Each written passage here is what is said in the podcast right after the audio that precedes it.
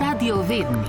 Jaz bi znanstvenika vprašala, kako. Jaz bi rad če vprašal. Mene pa zanima, zakaj. Radio Vedni. Vsak zakaj ima za to.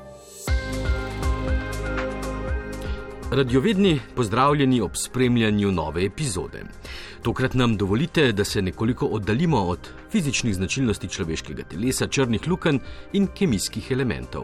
S pisalom se namreč podajamo med besede in odstavke. Vsak izmed nas gotovo pozna koga, ki prihaja v šolo ali službo z zvezki, beležkami, rokovniki in zapiski bolj okrašenimi od novoletne smrečice. V njih najdemo celoten barni spektr, sledi pisal različnih debelin, pa obkrožene, počrtane in obarvane besede. Dodatki samolepilnih listkov jih naredijo samo še nekoliko bolj posebne. Morda ste prav vi takšne vrste učenjak ali bolje rečeno umetnik. Pa gre res samo za estetski vidik ali si z različnimi tehnikami poudarjanja posameznih delov besedila lahko olajšamo delo in si celo hitreje zapomnimo snov. O tem nas sprašuje sedmošolka Meta, ki na nas naslavlja vprašanje, zakaj si besedilo lažje zapomnimo, če ga počrtamo ali pobarvamo. Za strokovno razlago smo prosili dr. Suzano Pulec-Lah z oddelka za specialno in rehabilitacijsko pedagogiko Ljubljanske pedagoške fakultete. Poudarja, da je branje, o pomoči katerega se želimo tudi česa naučiti, zahtevna, kompleksna in predvsem naučena spretnost. Razvila naj bi se med 9 in 14 letom.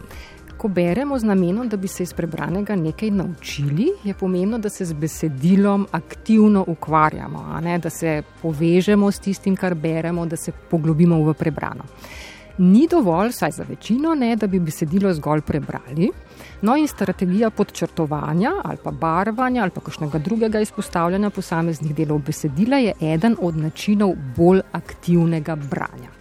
Počrtovanje tudi usmerja našo pozornost na prebrano na določen del besedila, ki smo ga prepoznali kot pomembnega.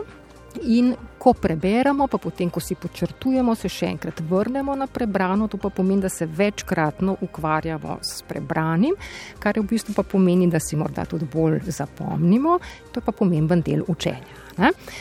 Hkrati počrtovanje pomeni tudi še eno dodatno aktivnost pri našem branju, ker smo s tem, ko počrtujemo, ko držimo svinčnik v roki, ko vlečemo pod besedilom določene črte ali pa ga barvamo, ne, tudi gibalno aktivni. To pa pomeni, da smo uporabili še eno od načel uspešnega učenja, to pomeni to veččutno, večvrstno, večmodalno učenje, kot temu rečemo. Ne. No, da bi bilo podčrtovanje učinkovito, da bi pripomoglo k bolj učinkovitemu učenju, je pa zelo pomembno, da smo pri podčrtovanju, bom rekla, strogi, da smo izbirčni, da ne počrtujemo kar vsega, kar preberemo, ampak počrtamo res tisto, kar je najbolj pomembno.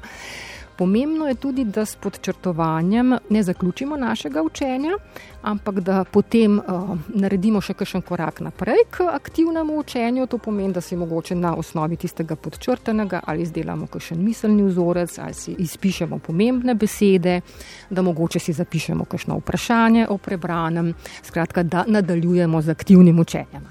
Zdaj, če povzamem, bi lahko rekli, da podčrtovanje predstavlja aktiven način branja in lahko pripomore k učinkovitemu učenju, če je izvedeno pravilno in premišljeno.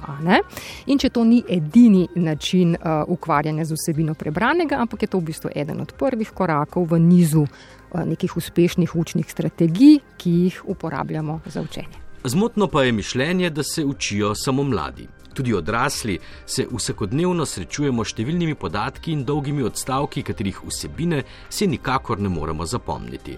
Zato na sveti veljajo prav za vse. Na tem mestu bomo potegnili črto. Če pa vam radovednost še kar ne da spati, nam inovativna vprašanja pošljite na frekvenca xafna.rtv.si. A še prej jih skrbno pobarvajte, počrtajte in obkrožite, da jih v poljudno-znanstvenem uredništvu nikakor ne bomo zgrešili. Tudi prihodnji teden bomo veseli vaše družbe. Se slišimo. Zakaj? Čemu? Kako? Radiovedni sprašujete, mi raziskujemo.